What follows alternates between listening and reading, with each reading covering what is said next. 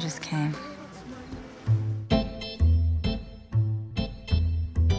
To ud af tre heteroseksuelle kvinder får ikke orgasme regelmæssigt, når de har sex. Oh. Right. That's right. Klitoris blev opdaget i 1998. 1998. It's just that all men are sure it never happened to them, and most women at one time or another have done it, so you do the math. Det er først i nyere tid, at det overhovedet blev tilladt for kvinder at føle og reagere på lyst. En dreng i 14-15 års alderen kan udmærket have kønslige følelser, have rejsning og unanere måske, Her i 2020 taler vi sjældent om sex, medmindre vi er fulde. mens mange piger slet ikke føler den trang til kønslig udløsning. De fleste af os ved ikke engang, hvordan vi skal omtale vores egne kønsdele. Men vi har brug for at tale om sex, og ikke mindst køn. Oh, yeah. I think? I think maybe we're on different rhythms here. Alle køn. For Gud er der forskel. The women are having way fewer orgasms than the men are. Og måske trænger verdens lystfulde, tændte og samtykkende mennesker til en seksuel revolution. Go sit over there. All you get to do is watch. Kom du er en podcastserie om sex og lyst, inspireret af Christine Tits tegneserie Orgasmebogen. Lyt til den, og lyt til din krop. Den er så meget. Da jeg var yngre, var jeg meget opmærksom på, at min partner skulle komme, ellers havde jeg gjort noget galt. Jeg var også opmærksom på min krop fra alle vinkler. Jeg var faktisk som regel med i en film, når jeg havde sex. Det skulle være fotogent og lyde godt, og dramaturgisk tænkte jeg det også ind i en stram koreograferet model. Det fik jeg en til tider kildende fornemmelse ud af. Indimellem var jeg ved at svæve væk, men jeg gjorde det aldrig helt, for jeg skulle jo holde styr på sættet, på optagelsen. Og hvis med den rette person, kunne jeg få lidt nærhed ud af det. Og så var der selvfølgelig tilfredsstillelsen ved at gøre en anden glad. Jeg fik aldrig orgasme dengang. Den dukkede op på en anden adresse. Og det var ikke noget, hverken jeg eller min partner lå søvnløs over. I dag er det heldigvis anderledes. Men jeg tror ikke, min vej ind i seksualiteten er et vidnesbyrd fra et undtagelsesmenneske. Heller ikke selvom jeg tilhører en moden generation, og de unge er i dag synes vældig og mere oplyste. I denne første episode af podcastserien om sex og lyst skal det handle om selve prikken over det i. Den frække lillebror, det store skyld, den generøse gudmoderlige størrelse, vi kalder orgasme. Til at kaste lys over fænomenet orgasme har Lene Stavngård været så god at sige ja til at komme og fortælle. Lene er nationalchef i Sex og Samfund og har i kraft af den stilling ansvaret for seksualundervisningen. Lene har en kandidatgrad i seksologi. Hun er sygeplejerske. Velkommen, Lene. Tak. Så kom jeg igennem den smør, jeg lige skulle bruge til at feje banen. Lene, vi skal starte med, havde jeg tænkt mig at tale om, øh, om at jeg og samfundet i det hele taget, tror jeg, er opvokset med en forestilling om, at der findes mange typer af orgasmer. Mm. Sådan noget som G-punktsorgasme, skedeorgasme, klitorisorgasme og hvad ved jeg. Men jeg har altså så læst, at fysiologisk findes der kun én form for orgasme, uanset køn, men at den kan føles forskellig. Ja. Kan du hjælpe mig på sporet og forklare, er du for øvrigt enig i, at der findes én orgasme? Jeg tror, jeg vil sige det sådan her, at øh, det er jo et emne, som, som mange bliver enormt øh, provokeret over. Fordi hvis du føler selv at have en oplevelse af, at du har forskellige orgasmer, så vil der være nogen, der bliver meget vrede, når man siger, at der kun findes én orgasme. Og omvendt så er det problematiske i at dele orgasmen op, som det jo historisk er blevet. Mm. Det har nogle andre konsekvenser, altså at man så, hvis man tænker, at man ikke kan få en bestemt slags orgasme, jamen at man så har en forkert krop. Så jeg plejer egentlig at sige, for at være det diplomatiske menneske, jeg ofte forsøger at være, at enten kan vi sige, at der er én orgasme, eller også kan vi sige, at der er tusind orgasmer. Okay. Altså at vi kan se på, at der er nogle øh, altså biologiske strukturer i vores kønsorganer, som giver ophav til nydelse og orgasme. Øh, der kan man stimulere det for, for, på forskellige måder, og derfor opleve forskellige øh, følelser af orgasme. Og omvendt kan man også sige, at du kan også få orgasme alle steder, hvor du har sanseorganer, altså på din hud alle mm. steder, og derfor så kunne man også godt sige, at der var tusind orgasmer. Okay. Så man kan sige, du er i hvert fald heller ikke tilhænger den her faste kategorisering af G-punktsorgasmen og skedeorgasmen på den måde. Nej, og Nej. særligt ikke skedeorgasmen er jo et, et fortidslevn, mm. som blev øh, lagt som en byrde på kvinder. Altså at hvis man ikke kunne få orgasme ved penetrerende samleje, mm. så var man ikke en moden kvinde. Og at klitorisorgasmen eller stimulation ude på kroppen øh, var en umoden kvindes orgasme. Så den, den er jeg bestemt ikke tilhænger Nej. af. Hvem, hvem opfandt den her? Øh... Jamen, det var jo den kære Freud, som, det var jo, ham. Ja, som ellers fik, øh, fik rigtig meget ros i, i eftertiden for at have fokus på kvinders seksualitet. Ja. Øh, men fordi det var der jo tidligere ikke særlig stor fokus på. Altså, den altså, der ville man jo hellere... ikke rigtig før, vel? Nej, og man, man prøvede jo også at lukke den meget ned, fordi at det var så tæt linket med reproduktionen, så det vil sige, at det var vigtigt, at kvinder ikke havde en seksualitet, fordi hvis de nu skulle have lyst til at have sex med alle mulige mænd, eller måske endda have sex med kvinder, som jo ikke giver børn, mm. så var det jo noget værre rod. Så derfor måtte man jo sørge for, at kvinder ikke havde en seksualitet sådan, at det var øh, man havde kontrol over reproduktionen. Altså man både havde kontrol over, hvem der var faren til barnet, men bestemt også kontrol over, at kvinder skulle gerne ønske at reproducere sig og ønske at have sex for reproduktionens skyld. Men Freud han havde jo så et andet fokus. Øhm, det fokus, som Freud havde, var jo meget der med, at Øh, gennem psykoanalysen af seksualiteten havde en betydning, og uforløst seksualitet havde en stor betydning for ens psyke. Og det er jo også mange af de ting, vi også stadig taler om i dag. Måske ikke i et sygdomsperspektiv, men i højere grad i et sundhedsperspektiv. Altså at en aktiv øh, seksualitet, som man selv er glad for, har en ret stor betydning for ens generelle sundhed, både mentalt og fysisk. Men Freud han lavede så den her opdeling mellem øh, vaginalorgasmen, som han jo kaldte den, og ja. klitorisorgasmen. Og han gik jo faktisk til ekstremer på den måde, at udover at kategorisere dem som den modne og den umodne kvindens orgasme, mm. så, så havde han jo forskellige behandlingsformer, øh, ja. metoder, som jo var kabolsyre, for simpelthen at syre øh, klitorishovedet af. Altså, øh, som man kom, kom ja. på? Ja. Så altså det var flydende en, form? Ja, så det var en form for, for omskæring, Nej, kan man sige. altså at ætse ja, området væk? simpelthen prøve at ætse klitoris hovedet væk, for okay. at undgå øh, onani. Ja. Bum. Bum. Ja.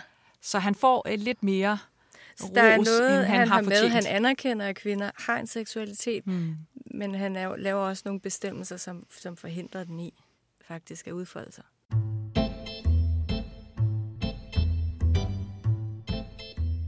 Kvindens psykisk særpræg. Som i lægemsbygningen udvikler kvinden sig også mindre i åndelig henseende end manden, og er i flere retninger beslægtet med barnet. Håndbog i seksuel oplysning 1941. Men kunne vi så måske snakke om, hvad orgasmen er for en størrelse? Hvad der sker fysiologisk, når vi får orgasme? Ja, altså fysiologisk set, og det er jo også den øh, skole, hvor at mange vil sige, at der findes en orgasme, det mm. er jo øh, ligesom det, vi kan måle øh, på kroppen, og det er jo, at det er nogle muskelsammentrækninger, og de muskelsammentrækninger er sådan set ens i, begge, i, i bækkenbunden for, for mænd og kvinder. Mm-hmm. Og det er, jo, det er jo den orgasme, der er. Hvad der så øh, skal til for at sætte de her muskelsammentrækninger øh, i gang, er jo meget, meget individuelt fra person til person. Ja. Hvad, hvad kan der... Altså, så kan vi jo tale om en eller anden form for berøring, men det behøver det jo ikke være. Man kan jo få mange orgasmer. Altså, man kan folk kan få dem i søvne. Mm. Øh, man kan få dem, hvis man cykler, og det kilder rigeligt. Mm. Øhm, og man kan... Vil du sige, at man kunne få dem ved udelukkende penetration? Vil en, en, et menneske med en klitoris så få orgasme? Det vil der klart være nogle mennesker med klitoris, som ville kunne, ja. ja. Øh, men det er jo ofte blevet set som, at det var normalen. Det vil mm-hmm. sige, det var det, de fleste skulle kunne. Og hvis man ikke kunne det, så var man uden for normalen. Ja. Øh, og det vil sige, det har jo været en rigtig, rigtig skadelig fortælling på den måde, at mange kvinder faktisk ikke kan opnå orgasme ved penetrerende sex, og derfor øh, har følt sig meget forkerte. Mm. Eller har opgivet Ja. seksuel nydelse med en partner. Jeg har læst nogle tal nu, du nu siger med normalen og bringer den i spil, Mm. at øh, jamen, rundt regnet en øh, ud af tre kvinder får orgasme regelmæssigt under sex. Heteroseksuelle kvinder, cis-kvinder. Mm. Øh, en ud af tre får regelmæssigt orgasme under sex. Det, det er jo ikke så mange. Så det vil sige, at normalen er ikke at få orgasme for kvinder under sex. Ja, at det er mere almindeligt Ja. at ikke at opnå orgasme Mhm. mm-hmm. ved sex, end ikke almindeligt. Og det man jo selvfølgelig kan sige, det er jo, at hvad er sex så? Mm. Det er jo en af de andre store fortællinger, vi har i samfundet, som øh, sociologerne Simon Gagnon jo beskrev rigtig fint i 70'erne, altså det her med, at alt social adfærd er øh, manuskriptlagt. Mm. Altså at de talte rigtig meget om det her med seksuelle manuskripter, men, men alt muligt andet social adfærd har også manuskripter for, hvordan man gør noget. Øh, og det er jo normerne, der, der fortæller os, hvad, hvordan vi gør et eller andet korrekt. Og de seksuelle skrift, de siger jo ofte, at når vi siger sex, så tænker vi penetrerende samleje. Mm. Og når vi tænker forløbet i et penetrerende samleje, så tænker vi, at der er øh, et forspil, Hvis vi er heldige. hvis vi er heldige, ja, det kan man godt skrotte. Man har stadig haft sex, selvom man ikke har haft forspil. Mm. Øh, og ofte så vil jeg også sige, at nogle af de ting, der foregår i, forspil, i forspillet, hvis vi nu skal bevæge os lidt ud fra manuskripterne, vil jeg jo egentlig også kalde sex. Men, øh, men vores store fortælling er jo, at der er forspil, Ja. så er der penetration, Mhm. så er der, hvis vi taler et heteroseksuelt samleje her, hun kommer, han kommer, afslutning. Ja, Og det er jo også det, som de krammer, han sover. Ja, ja det kunne sagtens være en, en del af fortællingen også, eller ryger en cigaret, hvis, Mm. øh, hvis vi havde været i 80'erne. Ikke? Jo. Øhm, det, men de fortællinger, de gør jo så også, at vi går ret langt som mennesker for at opfylde de her manuskripter. Ja. Og det er jo for eksempel derfor, at sådan noget som øh, opdigtede orgasmer, det har jeg skrevet speciale om. Ja. Det, er, det, det er derfor, jeg siger det på en lidt sjov måde, og det var fordi, øh,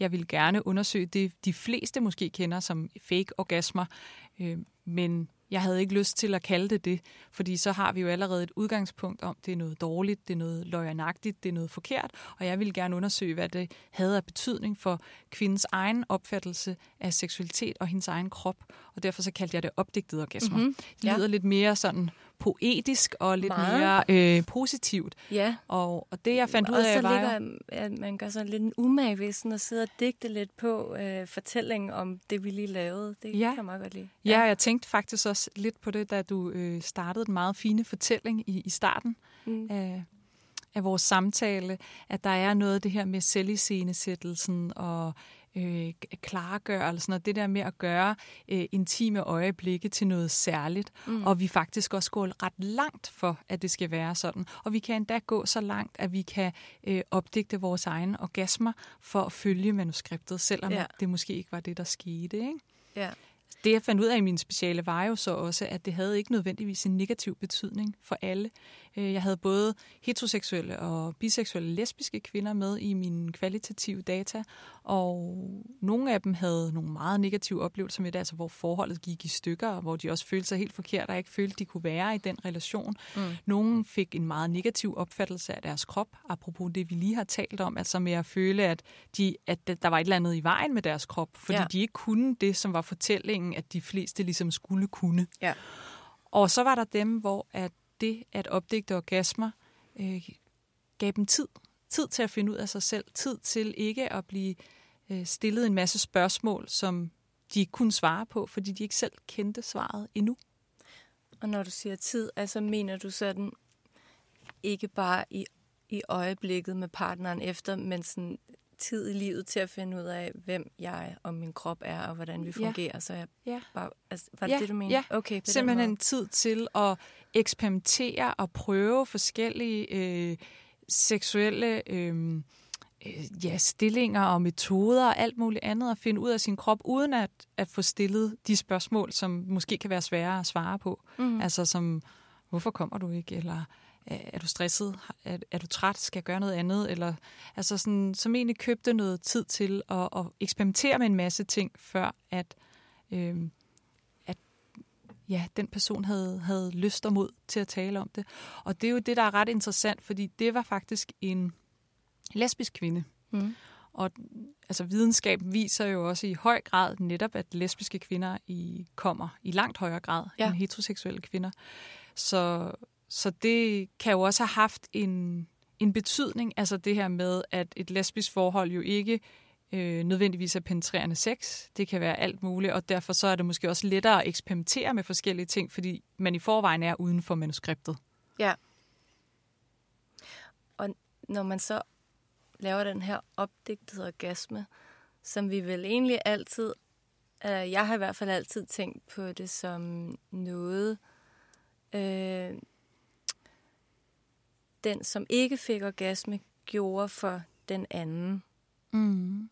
Men det du siger er, at man kunne lige så godt have gjort det for sig selv, at det var lige så meget for, Ja, helt bestemt. for det menneske, der ikke koms skyld. Helt bestemt. Der er rigtig mange, der gør det for den andens skyld.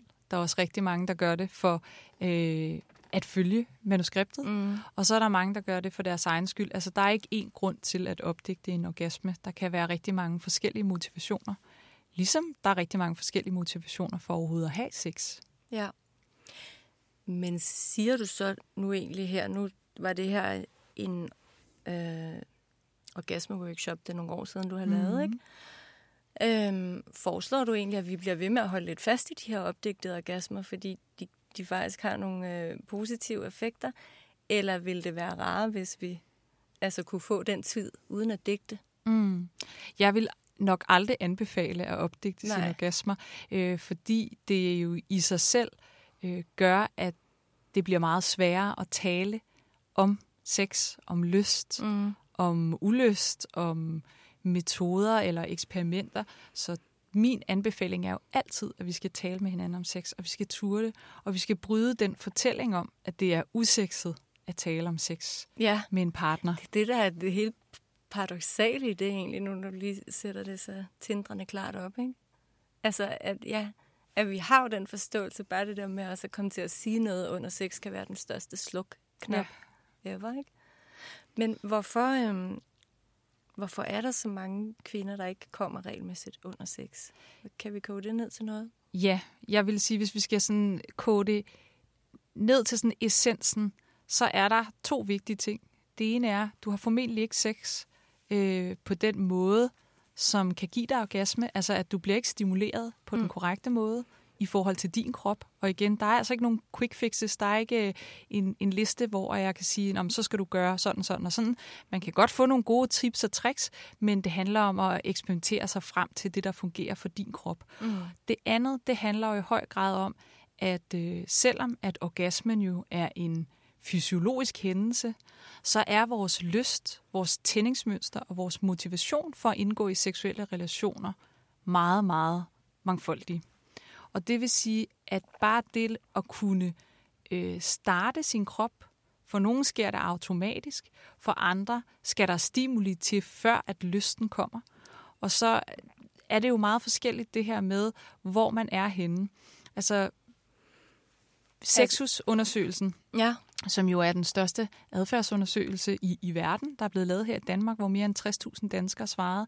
Der var jo nogle ret interessante fund, fordi udover at den selvfølgelig viste, at det at have det sexliv, man ønsker, det betyder rigtig meget, altså for ens generelle sundhed, så viste det jo også selvfølgelig, at, at have et aktivt sexliv handler ikke om frekvens. Det betyder ikke, at nu mere sex du har, nu sundere er du. Mm. Øh, I virkeligheden, hvis du er aseksuel og kan have øh, de relationer, du ønsker uden at have sex, så kan du være lige så sund som en, der har et, øh, et fysisk aktivt sexliv. Men det handler meget om, at vi er tilfredse med det sexliv, vi har.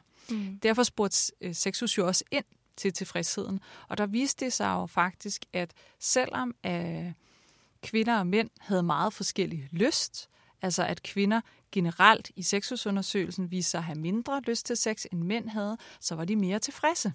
Og det synes jeg jo var et rigtig interessant fund, fordi hvordan kan man forklare det? Jamen det kan man jo måske forklare netop ved, at der er forskellige motivationer til at have sex. At de måder, vi indgår i sex, kan have noget at gøre med øh, nærhed, intimitet. Det behøver ikke nødvendigvis altid at være at opnå nydelse. Den anden ting er også, at de forventninger, vi har i sex, til, til sex, det betyder rigtig meget for vores tændingsmønster. Ja. Og det vil sige, og tændingsmønstret, altså det at blive tændt, uanset om det sker øh, mens man har sex, eller sker inden man har sex, så er tændingsmønstret ret vigtigt for at opnå orgasmen. Og det vil også sige, at hvis vi går ind til en seksuel relation som kvinder og har lavere forventninger til, hvad der skal ske, end mhm. mændene måske har, mm. jamen så vil vi måske også have en større tilfredshed. Ja. Okay. Ved at sætte barn lavere. Ja. Okay. Og det kan man jo godt synes er rigtig ærgerligt. At det lyder som sådan en lidt trist konklusion, når man lige siger, at det er derfor, vi er tilfredse, ikke? Mm. Øh.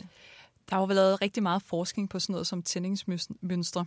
Og til at starte med var det jo, var det jo Masterson Johnson, der lavede den her meget fine tændingskurve, hvor de jo havde sat øh, diverse øh, dioder og apparater på okay. øh, kønsorganerne, og fandt ud af det her med, at det, det, det apparaterne mål var jo blandt andet sådan noget som blodgennemstrømning ja. og...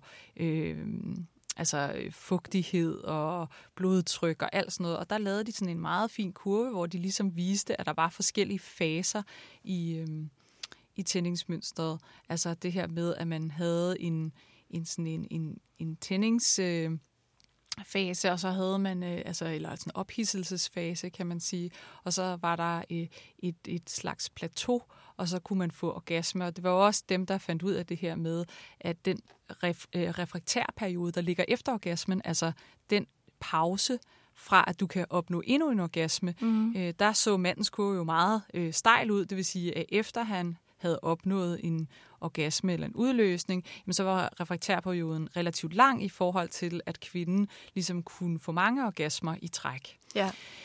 Den kurve blev jo så sidenhen kritiseret. Der er blandt andet en, der hedder Basson, der så sagde, at det, den kurve, man kunne slet ikke lave sådan en kurve for, for kvinder og mænd, fordi der var nogle andre ting i spil end alene vores fysiologi.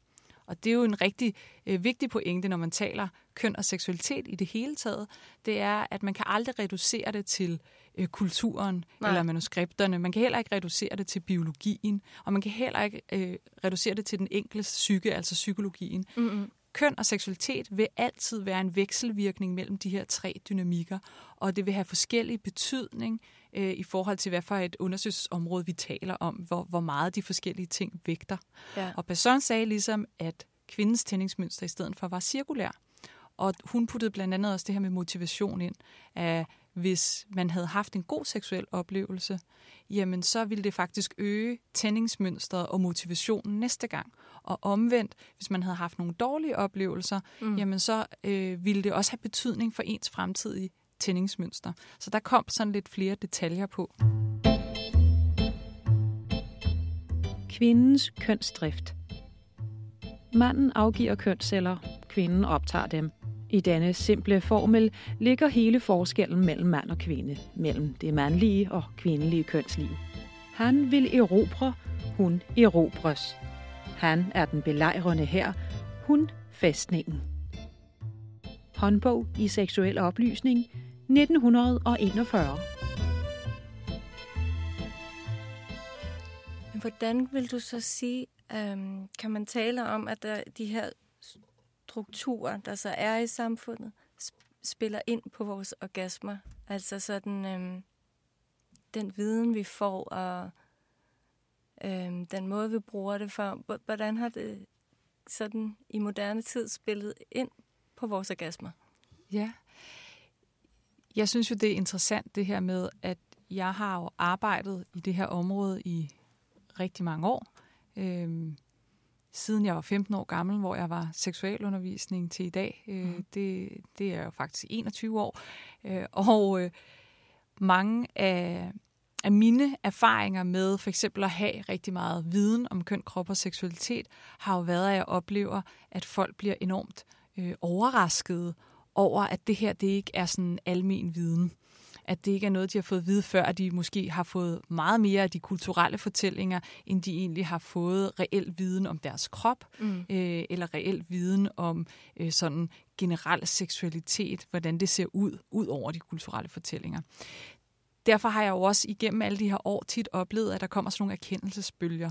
Altså der kommer sådan en bølge, hvor, hov, nu har vi lige opdaget, at mødommen er en myte. Mm. Øh, og eftersom jeg også har arbejdet rigtig meget internationalt, så har jeg jo synes, det er sjovt at se de her erkendelsesbølger for skudte. Så var det sådan, da det kom til Danmark, der var det 10 år siden af vores svenske søsterorganisation, okay. øh, som hedder RFSU, Sex og Samfund er jo den danske, ja. øh, at de havde lavet øh, brochurer og pjæser i alle mulige forskellige sprog og fortalt det her om... Øh, myten og mødt om, og så, så pludselig så kom det til Danmark. Så det vil sige, at viden er vigtig, men det kan heller ikke stå alene, fordi det kommer ligesom også i nogle bølger. Det er også som om, der er nogle ting, der bliver glemt. Og mange tror, at når vi taler om de her ting, at det så er ny viden. Selvfølgelig kommer der også noget ny viden, men meget af det her er altså viden, der er der i forvejen. Men bliver det så helt tabt på gulvet, det her viden, så vi ikke bruger det til noget konkret? Det, det bliver i hvert fald ikke udbredt. Altså det, der er selvfølgelig den øh, sådan helt lavt hængende frugt, der handler om seksualundervisning, at vi simpelthen har for dårlig seksualundervisning i grundskolen, på trods af, at vi har en rigtig god ramme. Og det vil sige, at hvis vi nu sørgede for, at der var en systematisk seksualundervisning i vores skolegang, hvor at lærerne var klædt på til at, at tale om de her ting og vidste noget om det, og samtidig med, at man så fik altså kom rundt om alle emner inden for køn, krop og seksualitet. Det vil være en god start. Mm. Men Alligevel så vil viden jo aldrig være nok, fordi der er også noget med de her strukturer i samfundet, som jo faktisk var der, du startede i dit spørgsmål til mig, at de kulturelle fortællinger er meget, meget stærke. Og det vil sige, at hvis vi ikke ændrer på strukturerne, jamen så, øhm, og hvis vi ikke arbejder på at udvide normerne, så vil den her viden igen egentlig komme i erkendelsesbølger fra generation til generation, uden at det egentlig giver sådan varige forandringer. Og når jeg taler strukturer, så er det jo mm. selvfølgelig meget sådan abstrakt på en eller anden måde, men, men seksualiteten, der bliver det egentlig enormt konkret. Fordi gennem historien, der er seksualiteten altid været styret af strukturerne. Så selvom at vi har haft svært ved at tale om det, og det har været tabu, og det er noget, man har anset som noget privat, eller noget ekstra i vores liv, en parentes i vores liv, så er det jo blevet jamen, øh, kontrolleret af, til at starte med sådan de religiøse figurer, og så sidenhen har det været lægerne, og så startede det med at være de somatiske læger, altså dem, der arbejder med kroppen, til at blive psykiaterne. Så var der jo øh, psykoanalytikerne, som, som Freud jo, vi også talte om tidligere. Ja. Og i dag er det måske i langt højere grad politikere, politikere, der bestemmer, om der skal være fri abort, eller hvor længe man må nedfryse sin æg, eller hvad der skal være lovligt og ulovligt. Og det vil sige, at seksualiteten har altid været reguleret af strukturerne. Ja. Og der kunne det måske også være rigtig interessant, at der i højere grad blev anvendt øh, viden og data, at der blev prioriteret, at man forsker i seksualiteten, og at der bliver, altså at seksualiteten bliver taget alvorligt, og at vi underviser i det i skolen. For ellers så tænker jeg, at vi vil blive ved med at se samfund, hvor erkendelsesbølgerne kommer og går, og når strukturerne ikke forandrer sig, så vil vi stadig stå meget i det samme. Jo, jeg får faktisk bare lyst til at spørge dig her til sidst. Nu har vi været helt ude i det her lidt altså paradoxale skisme, som det er, at øhm, som, som jeg egentlig ikke heller selv, heller dette har jeg tænkt på før. At, at det jo netop opfattes som så utrolig privat, og vi har svært ved tit at sidde, nu tør jeg godt tale med dig om sex, men det er jo de færreste mennesker, jeg møder første gang, som jeg taler om sex med. Mm. Fordi det tilhører det private rum. Og det så samtidig er så ydre styret fra, fra en eller anden stor mekanisme, som jeg aldrig har mødt. Det er da virkelig værd at tænke over i, i forhold til det her med, hvordan får vi så ændret det. Men øhm, det gør vi, hvis vi får noget måske seksualundervisning, som du selv er inde på, at øh, kan gøre en forandring. Mm. Og det vil jo især kunne gøre en forandring, fordi seksualundervisning ikke alene bare er at give viden videre. Mm. Seksualundervisning, i hvert fald en god seksualundervisning, det er jo et refleksionsrum, hvor at vi kan have en dialog og få et fælles sprog omkring, hvordan vi kan tale om seksualitet. Ja. Og det betyder rigtig meget for samtalen om sex og seksualitet, i særligt måske med en partner, men også andre steder i samfundet, med lægen, med skolelæreren, altså alle de steder, hvor vi egentlig har brug for at vende det her på en professionel måde, jamen det er jo der, hvor at vi ved en god seksualundervisning kan få udviklet et sprog, så vi kan tale med hinanden. Ja.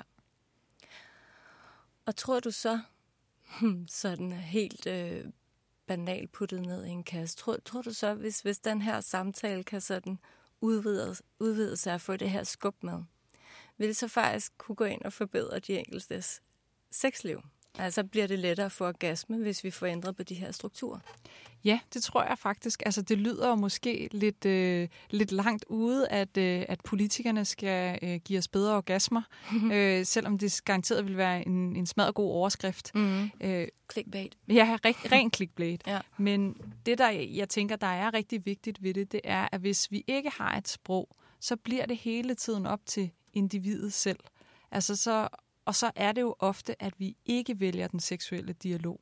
At vi egentlig vælger at gå ret langt for at opfylde de kulturelle normer og de manuskripter, der er for seksualitet, som bestemt ikke har noget at gøre med din orgasme og dit tændingsmønster, men som på en eller anden måde er et, et, et socialt skuespil, kan man sige. Ja. Jamen lad os lade maskerne falde, og så vil jeg bare sige tak, fordi du kom. Det var en fornøjelse. Selv tak.